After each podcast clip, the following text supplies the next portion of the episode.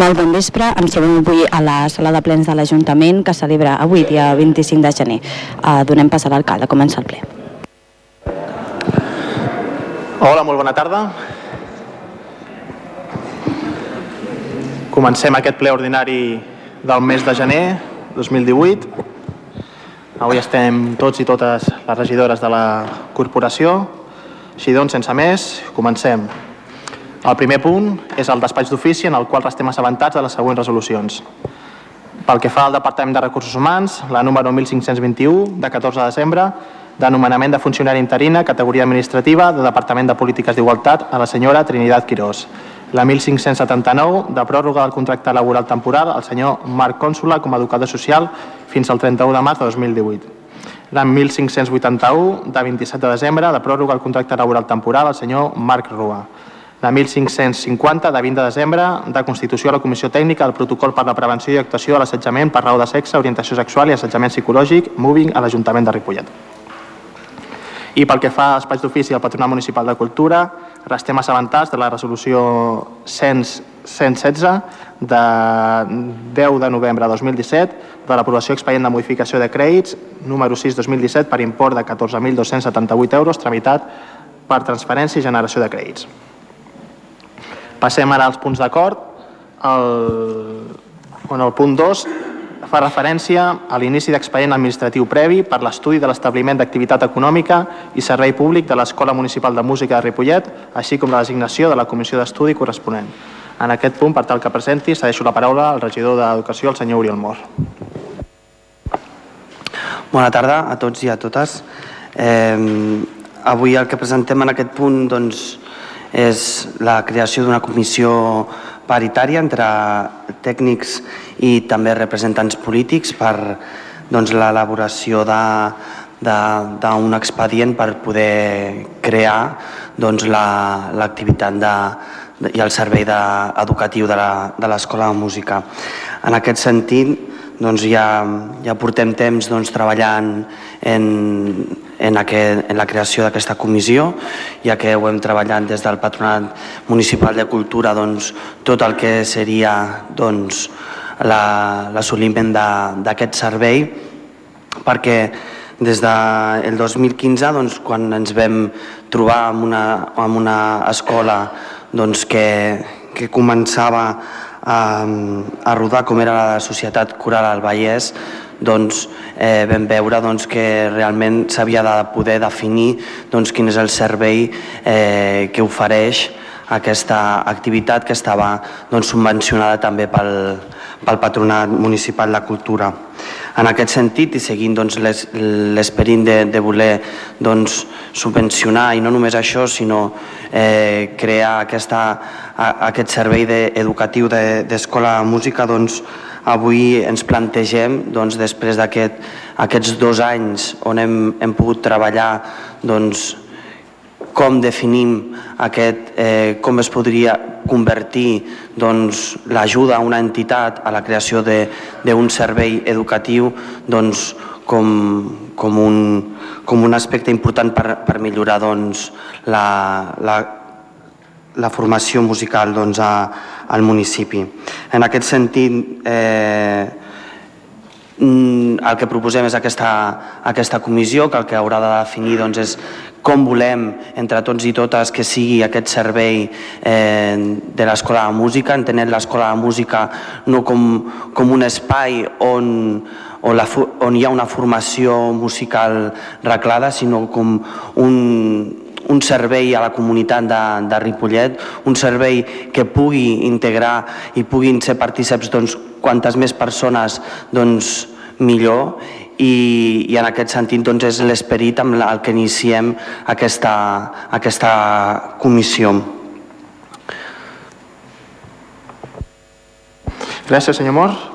Obrim torn de posicionaments i de paraula. Senyora Laborda. Sí, el meu vot és favorable. Gràcies. PDeCAT, senyor Peñarando. Sí, bona tarda, moltes gràcies. Evidentment, aquest és un servei que nosaltres sempre, sempre hem defensat. Tots sabem que, que és un servei que, malgrat no és obligatori que l'Ajuntament o que la corporació doni, perquè no està dintre dels serveis bàsics eh, que tenim l'obligació les administracions locals de donar-los, però de la mateixa manera tots eh, som conscients també que això el que fa és enriquir tot el que és l'oferta cultural i ajuda a la formació del nostre, del nostre jovent. jovent.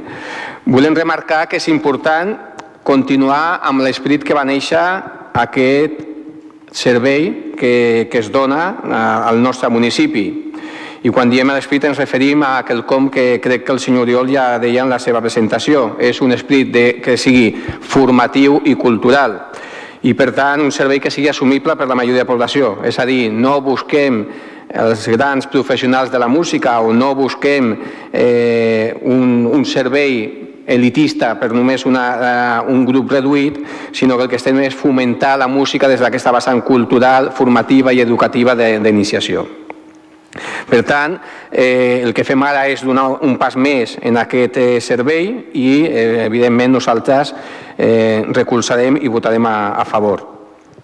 També voldríem remarcar, i, i per nosaltres evidentment és positiu i, i ens alegrem que així sigui, que en aquest punt o en aquest servei partint de la base de que el govern defensa, o almenys en les reunions i el que s'ha manifestat per part del senyor Oriol com a president del Patronat de Cultura, doncs eh, defensa en quant a esprit i en quant a forma de, de gestió, doncs el que nosaltres també hem defensat durant molts anys.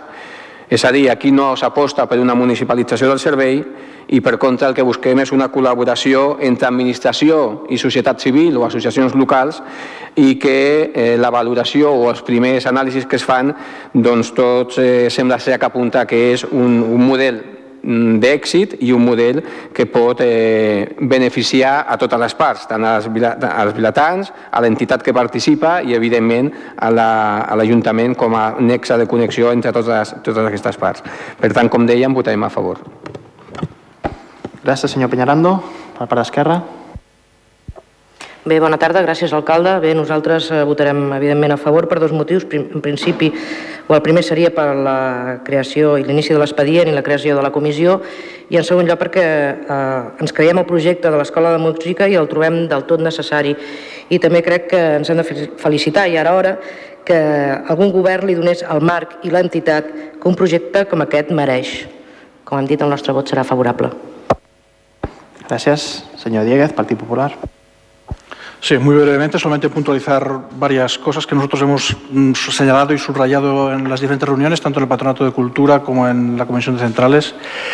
Mm, desde Cultura, no ahora, sino ya desde el año pasado, tanto cuando se trataba este tema como cuando se hablaron de los presupuestos, el Partido Popular insistió en que fuera la línea de determinar el servicio, como entendemos que es lo que se está haciendo ahora, y lo subrayo, que sea determinar el servicio, no hacer una municipalización en el sentido de hacer una empresa pública o municipal, sino de determinar el servicio, insisto, nos importa mucho que eso conste en acta. Eh, y en este sentido, eh, si no ha quedado claro para los que nos están escuchando, es muy importante porque ahora mismo el Ayuntamiento de Ripollet está asumiendo en solitario el coste eh, por la parte que le pertoca de, de este servicio. Eh, lo que se está haciendo entendemos que es aquello que se había hablado en el Patronato de Cultura y que ha llegado al Ayuntamiento con una cierta celeridad. Si es una cuestión de cumplir calendarios, pues perfecto. De lo que se trata aquí es de que en la próxima en el próximo curso sea posible precisamente eso, eh, dar un servicio y poderlo concursar y además que recibamos para este fin, que es tan importante como mis compañeros han explicado aquí, mm, recibir ayudas de, de, otras administraciones supramunicipales en tanto en cuanto, pues, a diferencia de lo que nos pasa ahora, no sería solamente el ayuntamiento el que cargaría con el coste de todo, sino que al ser un tema cultural y tan importante, pues tendríamos como debe ser, la ayuda de otras administraciones. En este sentido, el voto del Partido Popular será a favor. Gràcies. Per part de Ciutadans. Sí, Ciutadans considerem que és altament positiu aquest primer pas i volem també manifestar que ja fa molts anys es parlava de, del tema de l'Escola de Música a Ripollet i enhorabona que posem aquest primer pas, aquest primer gra de sorra per, per establir doncs, aquest servei. No? El nostre vot serà favorable. Gràcies. PSC. Senyor Suárez. A favor.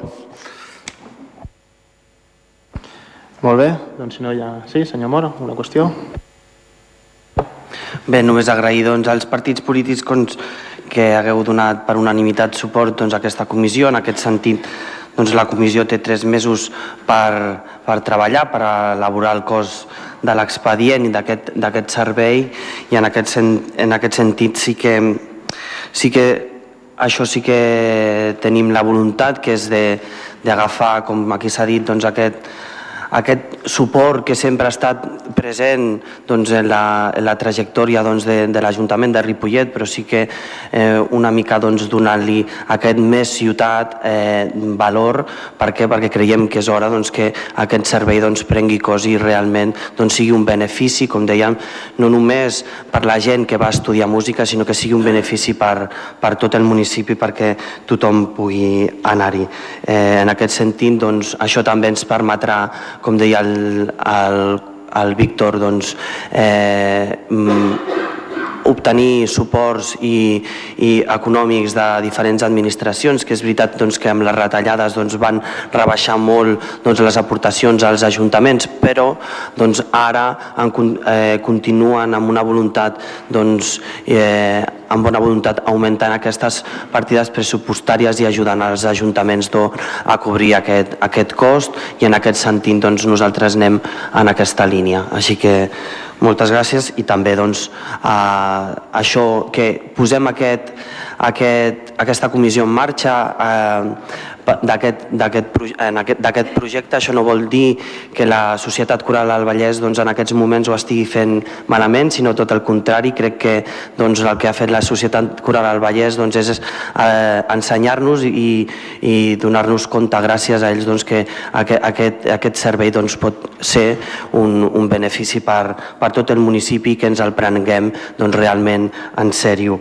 Eh, en aquest sentit doncs, també agrair doncs, als tècnics municipals que doncs, a, a través de la Diputació de Barcelona i els serveis de gerència d'educació doncs, també ens estan donant suport per poder encarar aquest repte, ja que és un servei educatiu que, que posarem en marxa a través de cultura, però engandrint tot el que és l'àrea de desenvolupament comunitari.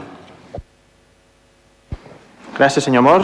Així doncs, amb el vot favorable de tots els grups, queda aprovat aquest punt. Ara passem al següent, que en aquest cas fa referència a una continuació de l'expedient administratiu, en aquest cas, previ d'estudi per adoptar l'acord de la forma de gestió del servei de subministrament domiciliari d'aigua al municipi de Ripollet i nomenar novament els membres de la comissió d'estudi corresponent.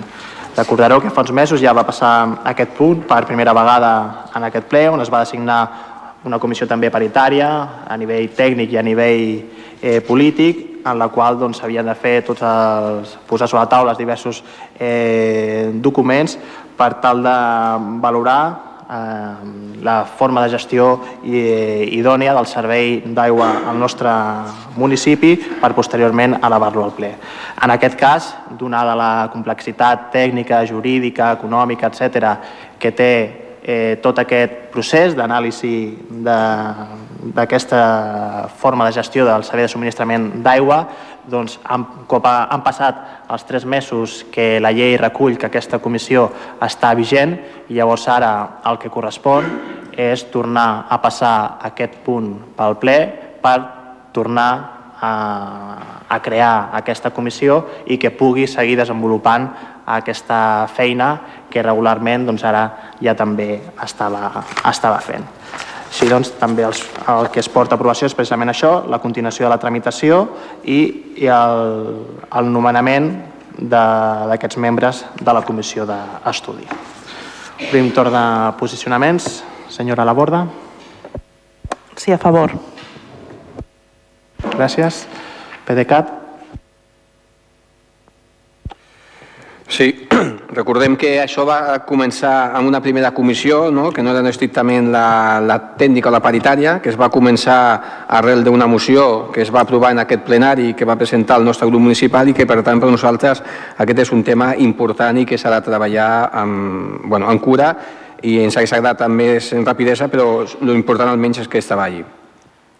En aquest sentit, evidentment, i després de l'exposició que s'ha fet, nosaltres continuem recolzant el fet de que es faci aquest treball d'anàlisi i que es creï aquesta comissió i també aprofitem ja per avançar que el com, que ja els hem dit en alguna altra ocasió, que tal i com van les dades que tenim fins ara, és evident que el nostre recolzament a la gestió municipalitzada que vostès proposen doncs no, no, no el tindran torno a dir, com a mínim en les dades que tenim fins ara. I també ja els avançarem que nosaltres, en aquest cas, ja ho hem comentat eh, en moltes ocasions, no tenim un posicionament eh, per una qüestió ideològica, que és el que ens sembla que a vegades vostès eh, simplement defensen, sinó que tenim un posicionament per la búsqueda de la millora o, en tot cas, de tenir el millor servei en quant al subministrament que se li dona als veïns tenir eh, garantides tot el que és el tema del manteniment i les infraestructures que això comporta i, evidentment, també tenir garantides la continuïtat de totes les persones que treballen en aquests moments eh, per donar aquest servei de subministrament d'aigua al nostre municipi. Per tant, eh, tenint en compte, a més a més, que aquest és un servei que no és com d'altres que vostès han municipalitzat o d'altres que han passat per aquest plenari on la gestió és una gestió exclusivament de personal, sinó que aquí, a més a més d'aquesta gestió de personal, hi ha un tema d'escales, de, de, de l'empresa que dona subministra no és el mateix si fem un municipi com París, que vostès van portar un ponent no? a explicar-nos el cas de París, o no és el mateix si fem un municipi eh, amb una quantitat d'habitants doncs, molt diferent a la, nostres, a la de la nostra realitat. Per tant, eh, recolzem eh, i aprovem aquesta, votem a favor d'aquesta comissió, però també els diem que el nostre vot fins a aquests moments eh, està complicat que podem reforçar o recolzar el que vostès volen tirar endavant. Gràcies. Esquerra. Partido Popular. Sí, desde el Partido Popular, como aquí se ha apuntado, hay una comisión anterior a todo esto. Lo que aquí se está aprobando es la continuación, por cuestiones burocráticas y de tiempos, de, bueno, pues de seguir con una comisión que estudie este tema. Pero de esta primera comisión, eh, lo que se desprende es que Ripollet dispone de unas instalaciones suficientes, sobran, de hecho, que están legalizadas, que funcionan, que dan un buen servicio y desde el punto de vista del Partido Popular eh, en estas circunstancias, evidentemente hay que defender lo mejor para los habitantes de Ripollet, que parece que es prácticamente lo que tenemos, y en segundo lugar, que se haga al mejor precio. Desde el Partido Popular de Ripollet entendemos que esto, desde una administración que además determina las condiciones, puede hacer el concurso y puede determinar qué es aquello que quiere, después de un estudio como primeramente se hizo con el conocimiento que se tiene ahora, pues bueno, eso se puede defender tan fácilmente como determinando qué condiciones queremos para las siguientes concesiones. No ese es el camino. El camino es complicarnos la vida, convertir el pleno del, ayuntamiento en un, consejo de administración de empresas, que los regidores hagamos de gerentes prácticamente, firmando decisiones estrictamente empresariales y una complicación que el propio, em, propio, el propio gobierno no esconde y que de ninguna manera nos llevará ni a una mejora del servicio y a medio y a largo plazo difícilmente a una mejora en la, en la, cuestión económica. Por lo tanto, desde el punto de vista del Partido Popular de Ripollet, teniendo los datos objetivos técnicos y, a pesar de todo, siguiendo adelante con una, por una cuestión meramente burocrática, por la cual parece evidente que no deberíamos tirar para no complicarle la vida al ayuntamiento y a los ciudadanos, pues el voto del Partido Popular, que evidentemente a fecha de hoy eh, es contrario a, esta, a, este, este final que se pretende, eh, será la abstención por una cuestión burocrática. No, tampoco se trata de poner palos a la rueda al Gobierno, pero tampoco se trata de, dar por bueno lo que finalmente parece que será contra los intereses de Ripollet, que es generar una, una empresa pública que entendemos que no es ni muchísimo menos el camino. Por lo tanto, en este punto el Partido Popular se abstiene. Gracias. Ciudadanos. Señor Tapia.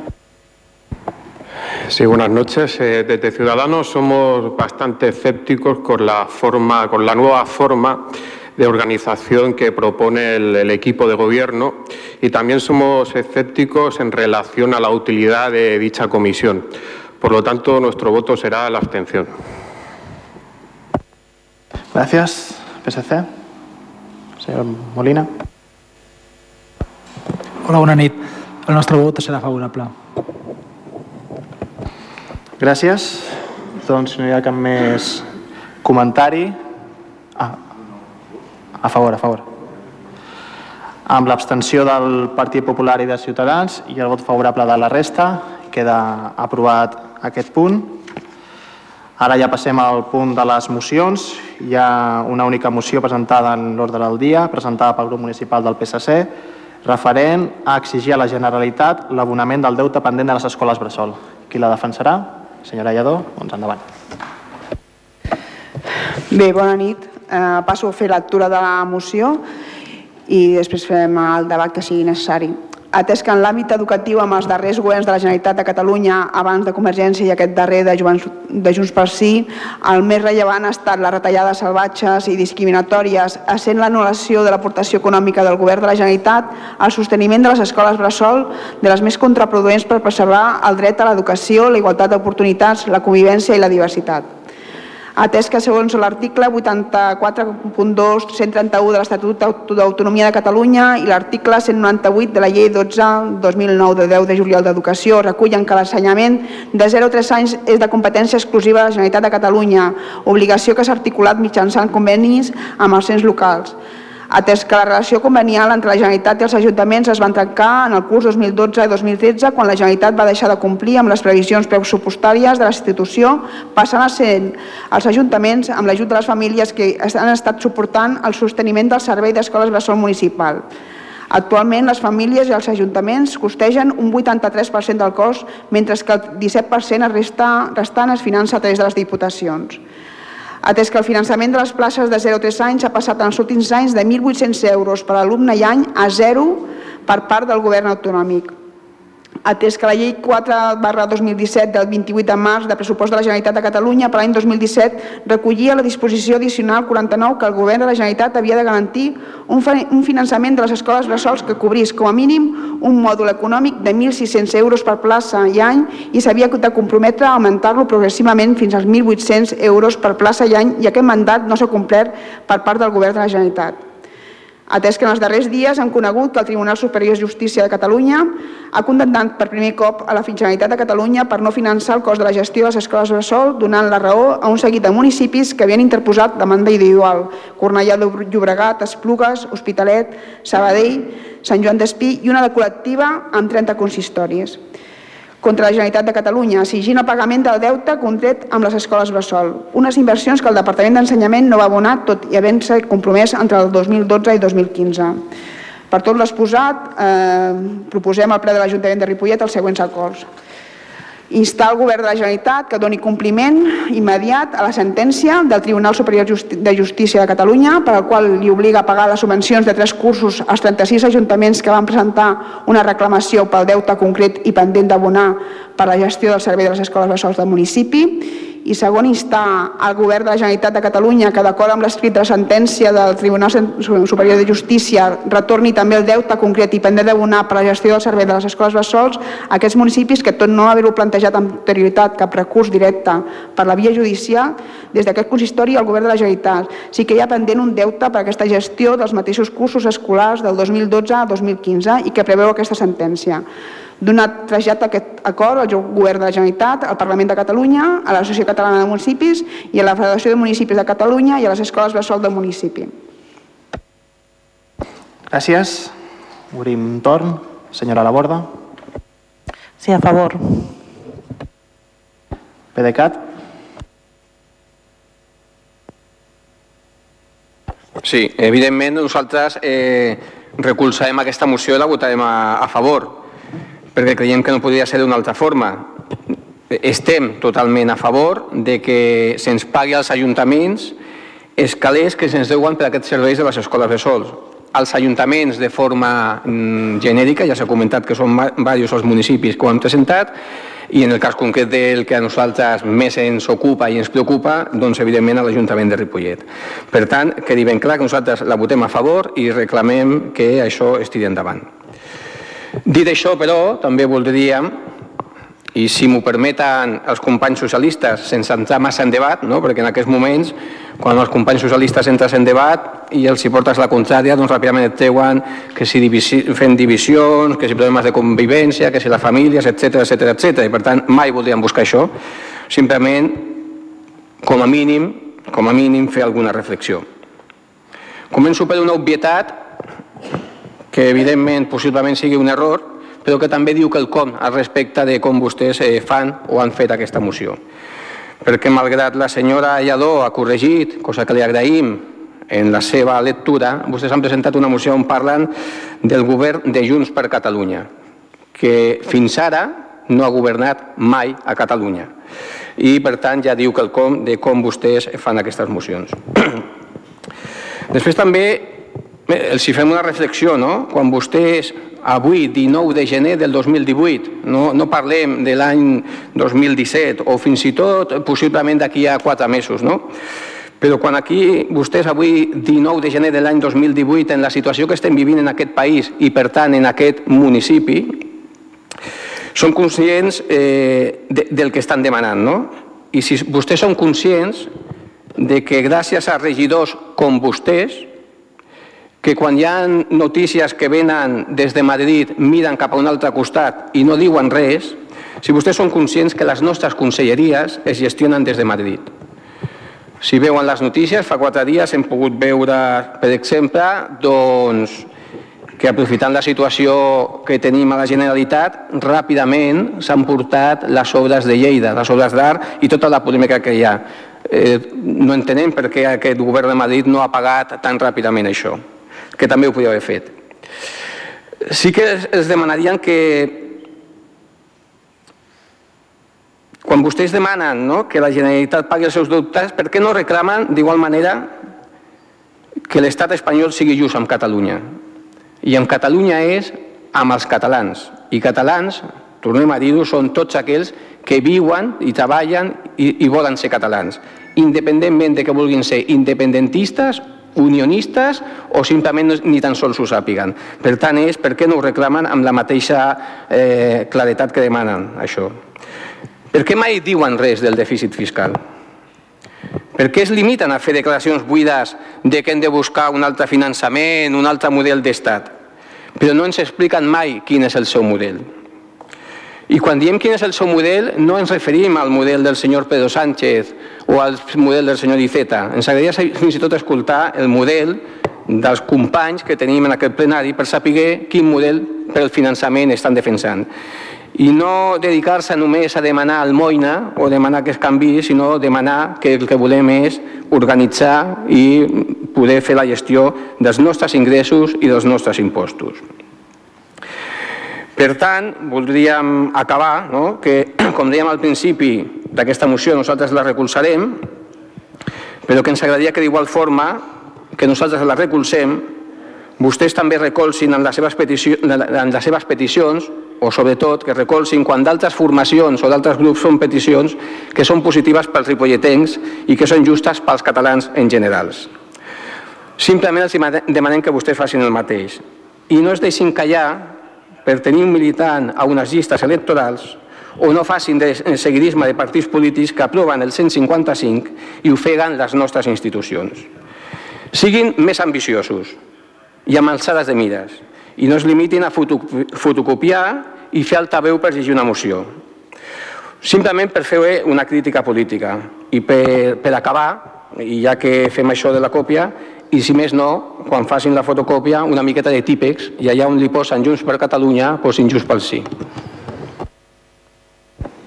Gràcies, senyor Peñarando. Per part d'Esquerra, senyora Serra. Sí, evidentment votarem a, a favor d'aquesta moció i crec que no, no caldrà repetir el que ja ha dit el company del PDeCAT perquè evidentment compartim i també haguéssim defensat la moció en el mateix sentit i no ens volem repetir per tal de parlar del finançament just a Catalunya, per parlar del 155 del que vostès formen part i que ara mateix és el que porta la, tot el tema econòmic a, en aquest país. Per tant, eh, demanin-s'ho a vostès mateixos i per no allargar-ho més doncs, ho deixaríem aquí. Gràcies. Partit Popular. Sí, esto como pasa en todas las cosas, al final lo que mandan son los números Y después de toda la propaganda, los shows y, en fin, todo lo que se ha montado en Cataluña, eh, al final lo que mandan son los números. Al final lo que la gente ve, lo que los vecinos ven, es si los vecinos eh, tienen una buena, un buen servicio en las escuelas Gasol, si tienen un buen servicio en, eh, bueno, un servicio sanitario, un buen servicio en todas aquellas cosas que dependen de la Generalitat.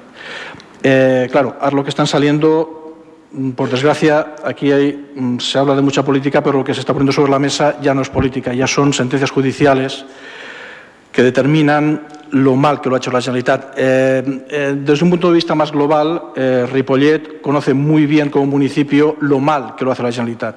La Generalitat habla de la ley de barrios y luego nos encontramos con dinero que no llega. Habla de otras cosas y el dinero no llega. Habla de otras cosas y lo que llega es pues bueno, la rotura de la convivencia, entre otras cosas. ¿no?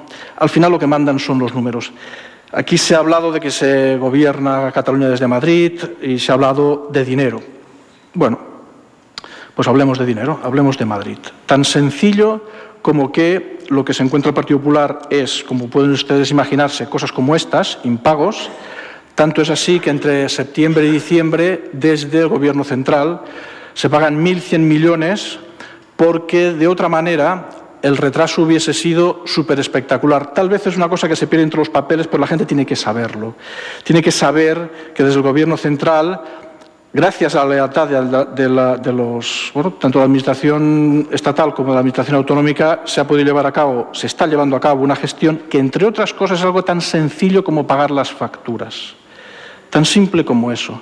Eso representó, insisto, 1.100 millones para los municipios, no para cosas generales, para los municipios catalanes, que por primera vez están viendo cómo puntualmente, qué cosas, ¿eh? puntualmente, con lo que agradecemos todos que nos paguen puntualmente, pues lo está, es lo que está pasando ahora, que la Generalitat está pagando puntualmente a los municipios. También se han pagado 1.500 millones y es curioso porque eso va a las pymes. Y es muy importante, lo quiero señalar desde aquí, porque eh, la gente debería saber, los vecinos deberían saber que esos 1.500 millones van a pymes, pero especialmente en el ámbito sanitario. Es muy preocupante que hubiese deficiencias en los pagos en estos temas, muy preocupante. Insisto, por no alargarlo, como tampoco lo han hecho mis compañeros, solamente señalar lo que son los números.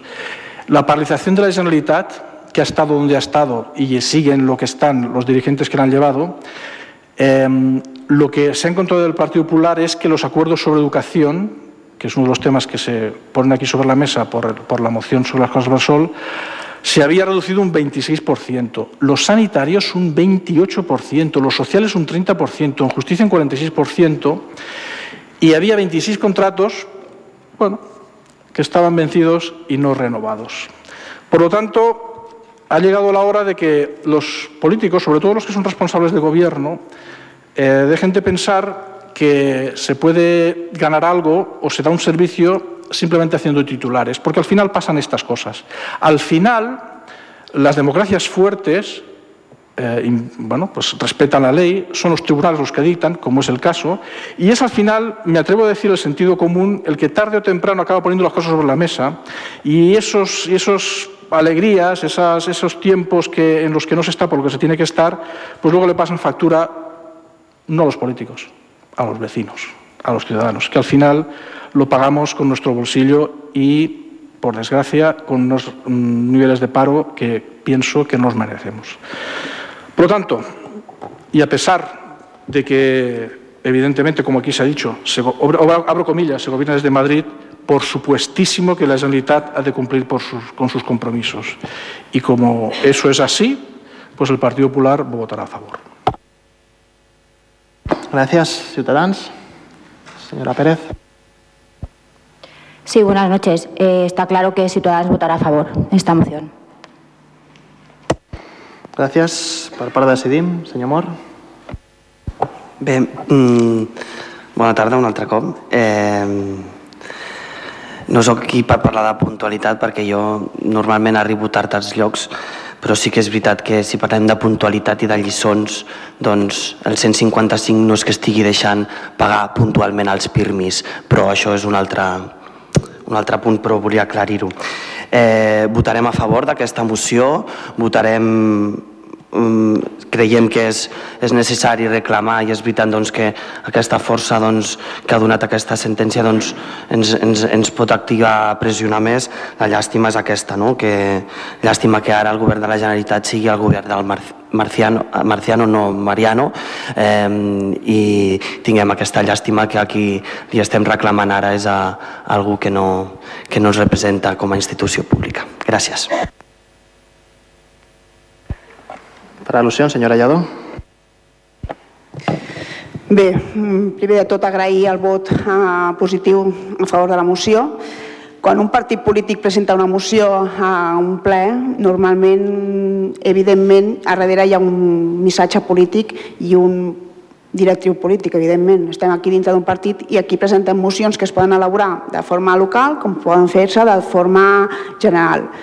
Recordem aquesta moció que dels 36 ajuntaments que de forma conjunta es van presentar, entre ells estava l'Ajuntament de Ripollet que molts dels ajuntaments que es van presentar en aquesta moció, en aquell moment que es va presentar, estaven governats per equips socialistes i que el PSC, en aquest cas, va defensar, com estem tots aquí, que la moció dona raó i donem el valor que dona l'educació de 0 a 3 anys, que és una competència que hem de potenciar i hem de promocionar des de l'administració local i facilitar que qualsevol família pugui accedir a aquest servei, no pel tema de la quota, que molta gent no podia entrar pel tema de la quota. Dit això, és que aquí s'han dit diverses coses. És cert que en aquest moment tenim un govern que no funciona, que tenim un article que està eh, aplicant-se i que tenim la Generalitat eh, parada, però això és des del mes d'octubre, si no recordo malament, i penso que està en mans de partits que estan dient aquí, com el PDeCAT i Esquerra, que això no sigui així dintre d'uns dies. Aquí està el tema, mm? i tot està una mica a l'aire. Cadascú que assumeixi la seva responsabilitat. S'ha parlat també de per què no reclamem que sigui l'Estat el que sigui just amb Catalunya. Perdoni, algú s'ha llegit el programa del Partit Socialista o algú veu què estem fent els socialistes? Em penso que estem reclamant precisament això. Podem estar d'acord amb el model o no podem estar d'acord amb el model, però això s'està reclamant. Se'ns demana que mai parlem de què és el dèficit fiscal i que no expliquem quin és el model que mm, defensem des del PSC, en concret des de Ripollet. Pues quan vulguem fem un debat de què defensem cada partit i discutim sobre el tema i posem el fil a l'agulla i posem-nos clar, perquè jo encara no sé què defensa ni el PDeCAT i a vegades ni Esquerra Republicana. Som en defensa de la independència. Si posem a parlar d'això, parlem d'això. Per altra banda, també es parla de que, bueno, que si la fotocòpia de Junts per Catalunya i Junts per Sí, a veure, penso que és una anècdota, potser és greu, em sap greu, demano disculpes, ho he intentat corregir a l'hora de llegir-ho. I després també, bueno, estem parlant de, bueno, des del PP ens estan explicant que estan pagant a l'hora, jo amb això tampoc estic, que estigui d'acord, però sí que està en mans de tots i de totes que aquest tema normatiu de l'aplicació d'aquest article ja es desencalli i que es posi en marxa la Generalitat de Catalunya. Estem parlant d'un tema de l'any 2012, que estem arrossegant des del 2012 i hem tingut la sort de que un tribunal ha donat la raó i hem de pressionar perquè aquesta sentència es compleixi, que si no, que surti els números, que el regidor d'ensenyament pot dir que és el que es deu a l'Ajuntament la, de Ripollet des de les escoles, pel pagament de les escoles Bressol. Estem oberts al debat, no ens fa por. Eh? Nosaltres el que volem és el millor pels veïns i veïnes de Ripollet i si hem d'explicar el model econòmic l'explicarem en un marc que faci falta. Però no fa falta que ens retreguin aquí si expliquem o no expliquem el nostre model de dèficit eh, fiscal. Vale, gràcies. Per contrarèplica, breument, senyor Peñarando. Sí, sí, sí, endavant. Eh, doncs li agraeixo molt l'oferiment que fa, senyor Maria Lladó, i encantats de que ho fem quan, quan vostè vulgui. Nosaltres ho tenim molt clar, o sigui, no fa falta, no fa falta massa temps. Eh? O sigui, el, el nostre model, el nostre model dels que representem el PDeCAT aquí a, Ripollet en aquests moments, del col·lectiu, no només jo ni el personal, el nostre model ja des de fa molts anys és que defensaven un canvi en el sistema fiscal que teníem a l'estat espanyol. I això és el que es va demanar. I això només fa falta llegir i escoltar. I això què significa? Doncs significa que igual que hi ha altres territoris de l'estat espanyol que ells recapten els seus impostos, ells organitzen com fan els seus serveis i simplement paguen una quota per serveis comuns a l'estat espanyol, doncs nosaltres volíem defensar anar cap a aquest model. Gràcies a polítics com els que vostè representa, això mai va poder avançar. I com mai va poder avançar, sí, ara tenim un model en el que defensem un estat independent. I sí, sí, un estat independent que sigui una república. Això significa que els ingressos, o sigui, tot el que es recapti pels impostos i tot el que es recapti de l'activitat econòmica del nostre país doncs es gestionarà des del govern d'aquest país o es gestionarà des del Parlament d'aquest país. Per tant, crec que això crec que és bastant fàcil d'entendre, però podem comentar-lo quan, quan sigui. I, per altra banda, recordar-li que ja ho hem parlat moltes vegades aquí i ho hem comentat i, per tant, a part de copiar eh, els textos o el programa electoral del PSC o les mocions que a vostè li facin arribar, escolti també quan a vegades parlem la resta. Ho hem comentat per activa i per passiva. El dèficit fiscal reconegut, reconegut per la part de l'Estat són de 8.000 milions any. Per tant, ja ho hem comentat d'altres vegades que tindríem l'opció de doblar el, si només ho féssim per aquestes partides, el pressupost de la part eh, educacional i la part dels serveis socials. Per tant, com vostè deia, quan vulgui eh, fem un debat, eh, segurament no crec que sigui en el plenari, però eh, per començar estaria ben eh, bo o estaria bé que ens aclarís eh, quin és el model que vostè defensa o vostès aquí defensen i així serà tot molt més fàcil. Senyora Serra, breument i per últim, Lledó, sense entrar tampoc a obrir nous temes. Endavant. Gràcies, alcalde. Bé, molt, molt breument, la part de, econòmica ja l'ha explicat molt bé el senyor Peñarando. Eh, vostè, senyora Lledó, parla de que no saben el que som, que només parlem d'independència. No, li explico, jo li, li deixaré molt clar que som, som demòcrates. Som demòcrates, cosa que el bloc del 155 no ho és. I vostès hi formen part. I el senyor eh, del Partit Popular, del M. Rajoy, lliçons per part de vostè, del Partit Popular, les justes. No està en el millor moment per parlar de, de la Generalitat de Catalunya amb tot el que tenen a sobre i començant per València. Senyora Lledó, sisplau, breument. Mira, mmm, me n'alegro, tots estem aquí perquè som demòcrates, penso jo, no sé, Lourdes, crec que aquí ja, això ja sobrava. Vale? Tu pots estar d'acord o no amb certes mesures que es prenguin o no, però en aquest cas, si tu ets demòcrata, jo també sóc demòcrata. Si no, no podria dir el que estic, estic dient, en veu alta. Per altra banda, recomano, mira, en aquest Nadal potser no és la lectura adient, no? però vaig llegir la biografia, de, bueno, vaig llegir un llibre que estava relacionat amb la figura de l'Iceta? Una mica escrita per un periodista que escriu a La Vanguardia, que és el Montilla, Raúl Montilla, el recomano si algú li interessa, i ella explica un, un, un gest que és que el senyor Mas va amb el Zapatero directament i va pactar un acord en aquell moment en què passant-se pel forro entre cometes al PSC, va ser un acord entre el PSOE i Convergència, perquè aquí s'ha explicat que en el moment en què es va decidir certes històries és quan eh, si mm, Convergència es va decidir ser independent. Bueno, recomano la lectura del llibre perquè realment explica, jo a mi em va una mica obrir la ment de dir, ostres, potser sí que és veritat que a vegades s'han fet certes gestions que ha fet que certa gent hagi canviat de rumb per no aconseguir el, el que volia.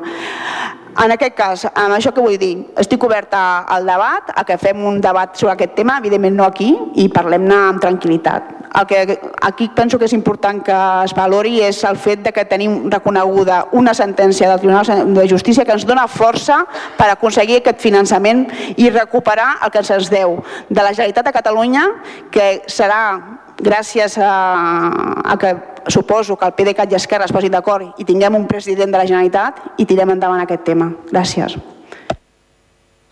Gràcies. Apassionant debat també el que hem tingut. Segurament al municipi potser ens falten espais més enllà d'aquest ple no? per tenir aquest tipus de, de debat. Potser serien interessants. Eh, no, no obstant, jo un breu apunt. Hem parlat molt ara en el debat que hem tingut sobre finançament autonòmic, sobre finançament de la Generalitat, i tot i que en la moció també hi era present, jo crec que hem parlat poc sobre l'infrafinançament dels municipis, que al cap i la fi jo crec que és el moll de l'os i, i la clau de tot plegat perquè en aquest cas doncs, cal tornar a reclamar això que ens deuen. I és que des de l'inici de, de la restauració democràtica a Espanya doncs, al final eh, els que han sortit perdent a nivell de finançament no estat ni l'Estat ni les autonomies, sinó que sobretot han estat els ajuntaments que cada cop absorbim més competències, més problemàtiques a les quals eh, fer front, però que seguim tenint una manca de finançament total i que jo crec que respon sobretot l'esperit d'aquesta moció a, a aquesta problemàtica. Eh, no obstant, suposo que ja tindrem més ocasió de seguir debatent. Amb el vot favorable de tots els grups queda aprovada aquesta, aquesta moció. I ara ja passem al darrer punt de l'ordre del dia, com sempre, al punt de pregs i preguntes. Comencem. Vol de pregs i preguntes? Bueno, per ordre, des de... Senyor de la Borda. Senyor Peñarando. Sí, molt ràpidament, dues qüestions que no sé si poden respondre ara, però si no ja ho faran en, de totes formes en un altre moment. Una és molt concreta respecte de la zona d'aparcament que es va fer al carrer Sant Joan. No? Eh, bueno, suposo que vostès ja ho han pogut observar i som diversos els veïns que han comentat al respecte del tipus d'acabat que, que s'ha fet, no? que genera que, bueno, sobretot quan hi ha pluja, doncs, eh, genera molta brutícia i crea dificultats. Per tant, si tenen previst de fer algun tipus de de bueno, iniciar algun tipus d'acció perquè canvi això. A això em refereixo, perdó, al tema de l'acabat, eh, l'acabat superficial. I després un altre tema al respecte dels diferents punts de càrrega que tenim per vehicles elèctrics. Eh, ens agradaria si ens poden eh, una mica aclarir doncs, eh, a part una mica les característiques tècniques que, que vam decidir posar en aquest tipus de carregador, per què van ser així, no tan sols en quant al pressupost, sinó per què van, ens van decantar per aquest eh, tipus de model, i després també si tenen algun tipus de rati d'utilització de, de veïns o quin, és, quin està sent el, la seva, el seu aprofitament. Gràcies. Gràcies, senyora Serra. Sí, gràcies, alcalde. Sí, voldríem demanar, si plau que eh, si es podia fer una intervenció eh, el més aviat possible per part dels mestres, donat a l'estat que està al Sorral, que ara mateix està molt, molt buit i això eh, no oblidem que allà entra canalla molt petita, o sigui, vol dir de petit tamany, quan entren allà dins queden molt, molt avall i això pot, pot provocar algun tipus d'accident i a més també denunciar que s'està convertint en un, en un pipicant. I també voldríem a, aprofitar el moment, donat que va fer 100 dies que teníem els Jordis empresonats a la, a la presó, demanar la llibertat dels presos polítics un cop més.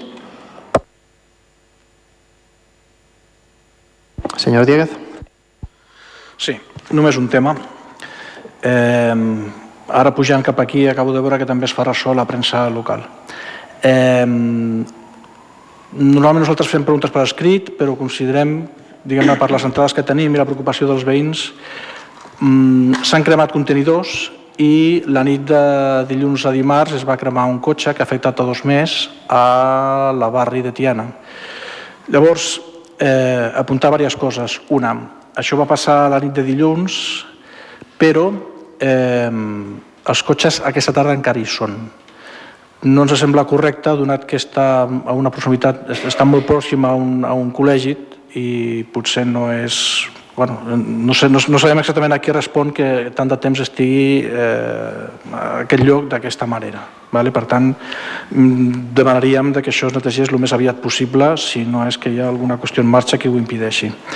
Sobre el mateix tema i traslladant aquí la preocupació del, dels veïns, eh, entenem que no es pot dir a micròfon obert, si és que és el, fora el cas, si és que hi ha alguna qüestió policial en marxa, però sí que considerem que els veïns tenen dret a saber diverses coses. Una, si per aquesta raó s'ha augmentat d'alguna manera la vigilància sobre, aquest, sobre, sobre aquests temes que tenim. En segon terme, si s'ha pres alguna mesura per prevenir que no torni a passar això eh, doncs, als barris de Ripollet. I, doncs, Bé, doncs si, si hi ha algun tipus de, de tasca en marxa, imaginem que sí, però si es pot dir alguna cosa sobre la recerca o, o diguem-ne, en la línia de prevenir de qui hagin pogut estar els culpables si l'Ajuntament està a la guait. Simplement, diguem-ne, del tema aquest, a veure si podíem traslladar algun tipus d'informació o, un, o alguna mena de, d'informació que pugui tranquil·litzar una mica els veïns, perquè bueno, mm, normalment nosaltres no fem preguntes així de viva veu, però donat que ens ho demanen i ens ho demanen ja, doncs tot el que sigui en, a la línia d'informar i de tranquil·litzar el veïnat, doncs fora, fora ben rebut. Gràcies. Gràcies. Ciutadans. Sí, el meu prec eh, va relacionat amb la moció que s'ha presentat abans, que considero que és aquí el punt on tinc que fer el prec. Mireu, hem donat una imatge esperpèntica a qui ens estigui escoltant. M'agradaria fer un prec a tots els companys perquè les mocions no es converteixin en debats estèrils i fem el ridícul. Aquí no som diputats, senyors. Estàvem defensant una moció legítima que ha presentat el PSC per un tema que afecta Ripollet. I s'ha parlat que si alguns no són demòcrates, que si el 155... Escolteu, això és penós. Jo demanaria i faig un prec que els debats es limitin a el que s'està parlant a les mocions, si plau, perquè qui ens està escoltant possiblement li hagi caigut la cara de vergonya. Gràcies.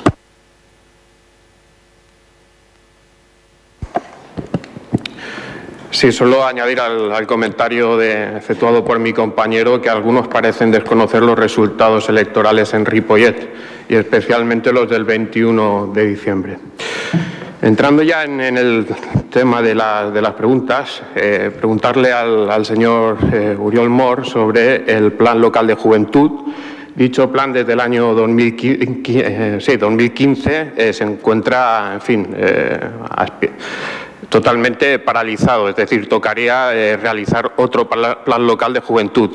Nos gustaría saber en qué estado se encuentra la elaboración del nuevo plan local de, juventud, ya que desde el año 2015, repito, eh, no tenemos. Por otra parte, eh, me gustaría preguntar sobre el estado en el que se encuentra la construcción de la residencia de la tercera edad, si hay algún tipo de novedad al respecto. Y para terminar, eh, preguntar sobre la construcción del hospital Ernest Lluch, si hay alguna novedad, porque es un tema que se encuentra totalmente paralizado y la gente, los vecinos de Ripollet, se preguntan eh, qué fue del hospital Ernest Lluch. Cuya construcción, por cierto, se aprobó antes de la aplicación del 155, por si alguno no lo recordaba. Y ya para terminar, esta vez sí, eh, ha dicho el señor alcalde que iría bien potenciar los debates, los debates eh, entre entidades, partidos políticos. Pues una buena idea sería potenciarlos en la emisora local, Ripollet Radio. Gracias. Gràcies, senyor Tàpia. PSC. Vosaltres mateixos, com vulgueu. Hola, mira, jo eh, volia fer un prec. Hi ha dos plens seguits que se'ns tatxa de no demòcrates, eh, seguint una mica les paraules de Ciutadans. A llavors ho trobo una mica vergonyós, perquè demòcrata ha d'anar acompanyat de llibertat, cosa que vosaltres no teniu. No, no, de llibertat envers les altres persones. Eh? Això és el que s'ha de fer i vosaltres no respecteu a les altres persones, ni el pensament dels altres. A llavors us aneu a una democràcia eh, autoritària, que això és el que feu. I al final què fareu? Ens fotreu a la foguera amb els que no pensem com vosaltres? Tornarem a la Inquisició de fa 200 anys? Eh? Per favor, us ho demano que tingueu una mica de respectes amb els de més que hem sigut elegits com vosaltres. Següent. Sí, sí, vosaltres mateixos autogestioneu-vos les preguntes. Bé, jo no, ara ja canvio de terç. Eh? Eh, Nosaltres eh, des del PSC vam fer una reflexió de, de, de com havia anat la campanya de Nadal eh, i de les accions que s'havien fet i evidentment bueno, nosaltres tota aquella acció que sigui de foment cap al comerç local i que sigui per ajudar al comerç local eh, la valorem com a positiva i que evidentment hi ha coses que es poden millorar, això ja és un tema de que segur que s'ha fet, però hi ha hagut una acció que ens va fer reflexionar que és el fet del famós trenet que va tenir tant èxit eh, durant els dies de Nadal, que es passejava pel municipi i que, bueno, que una mica va tenir que canviar de sentit per, o almenys pel que vam conèixer, de lo que l'objectiu era fer arribar les persones al comerç i després, bueno, donat l'èxit, doncs, va convertir una mica com una atracció, que pujaven els nens i les, els avis i més gent doncs, per donar la volta per Ripollet. Perfecte, aquí nosaltres no, no, no ens hi posarem. Però sí que és veritat que una reflexió que sí que vam arribar a fer, quan aquí estem parlant d'accessibilitat i estem parlant de fer un Ripollet inclusiu i estem parlant de fer moltes coses perquè sigui el Ripollet de tots i de totes, una de les mm, valoracions que sí que vam fer és que sempre a vegades ens oblidem de col·lectius que són infants amb discapacitat o amb persona amb dificultats de mobilitat o altres temes i que quan muntem o fem accions no pensem en aquestes persones. Ho dic perquè un trenet que té èxit i que pot fer arribar a molts nens i nenes, altres nens i nenes o altres avis i àvies no van poder fer-ho. És una reflexió que vam fer de millora i també una proposta de dir que ara que estem en el moment que s'estan organitzant actes i que tots hi som i formem part i ens agrada que Ripollet sigui viu i actiu i que tothom hi sigui, pensem en la festa major, que també hi hagi un espai per aquest tipus de nens o nenes, però no per diferenciar, sinó perquè s'hi sentin inclosos. Eh? O alguna activitat en què tothom pugui ser-hi present i que hi pugui fer. És una reflexió que vam fer, que es volíem fer arribar i que pensem que seria, seria de millora per, per tots i totes. Gràcies. Una pregunta més per al PSC? No? Regidors, regidores que vulguin contestar? Senyor Moldes. Bona tarda a tots i a totes. En resposta a la senyora Serra, eh, comentar-li que, que sí, que el parc, eh, bueno, el parc del Mestres, eh, recordi que tenim un projecte participatiu, que l'actuació dels parcs segurs esperem que es faci l'abans possible, llavors es farà una remodelació de tot l'espai, on, on s'adaptarà doncs, al projecte que, que es va aprovar dintre d'aquest marc del projecte participatiu. Llavors, en principi, si vol, li, li puc enviar el projecte, si, si ho creu convenient, doncs perquè se'l miri, però en breu ja començarà, començarà el canvi d'aquest parc. Gràcies. Senyor Sánchez. Sí, bona nit. Vull contestar, però el senyor Pinyano tenia que marxar, el qual li faré per escrit eh, per al tema de, dels carregadors elèctrics. Però bueno, aprofito i sí que contesto a senyora Marellado, també a la primera de la Pilar, perquè és un tema que vam parlar, que és el del gènere inclusiu, que cada l'any vinent ja es contempla.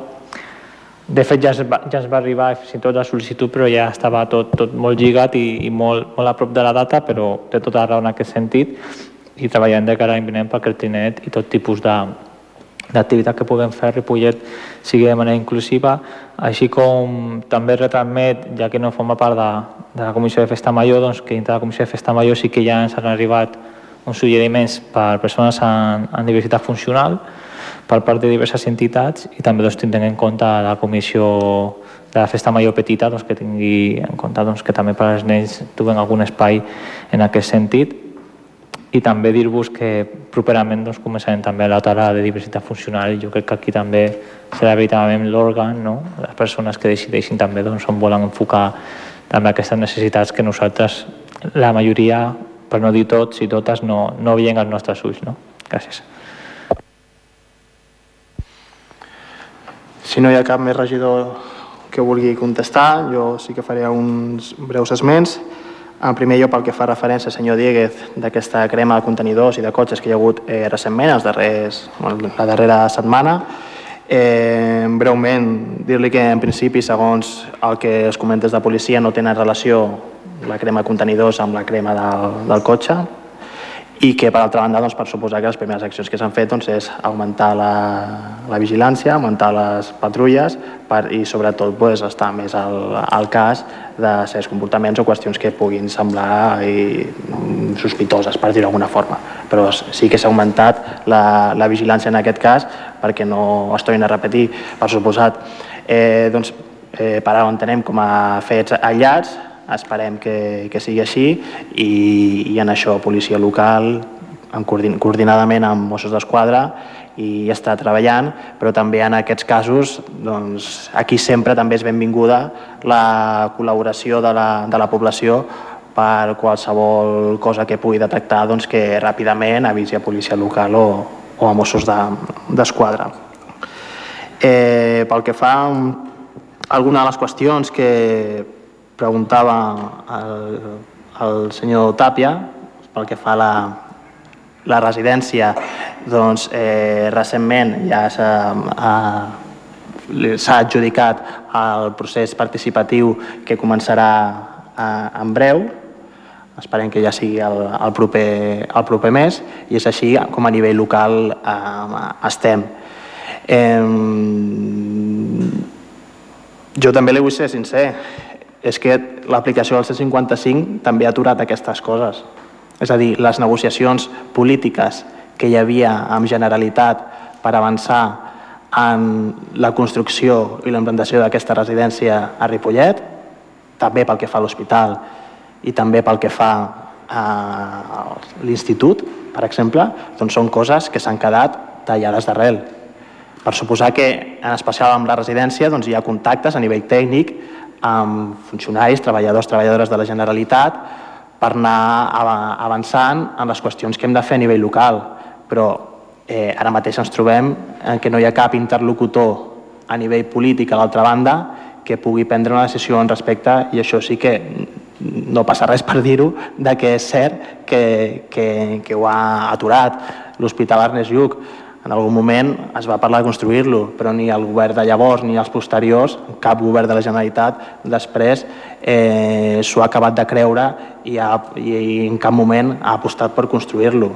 Hi havia també eh, les notícies aquelles informacions de que el conseller Comín portava entre mans la possible adquisició de, de l'Hospital General de Catalunya, però també doncs, des de l'aplicació del C55 doncs, d'això tampoc en sabem res de nou. Esperem que amb la conformació aviat que es pugui que puguem tenir un govern a la, a la Generalitat, doncs tots aquests temes eh, reprendre'ls. Però, com li dic, no hi ha, pogut, no, no hi ha novetats al respecte de fa tres mesos perquè no hi ha interlocutors polítics a la Generalitat, a l'altra banda, que pugui prendre una decisió al, al respecte. Eh, la resta de qüestions que no han estat contestades es faran arribar per, per escrit i si no hi ha res més, doncs ho deixem aquí i molt bona nit. Gràcies.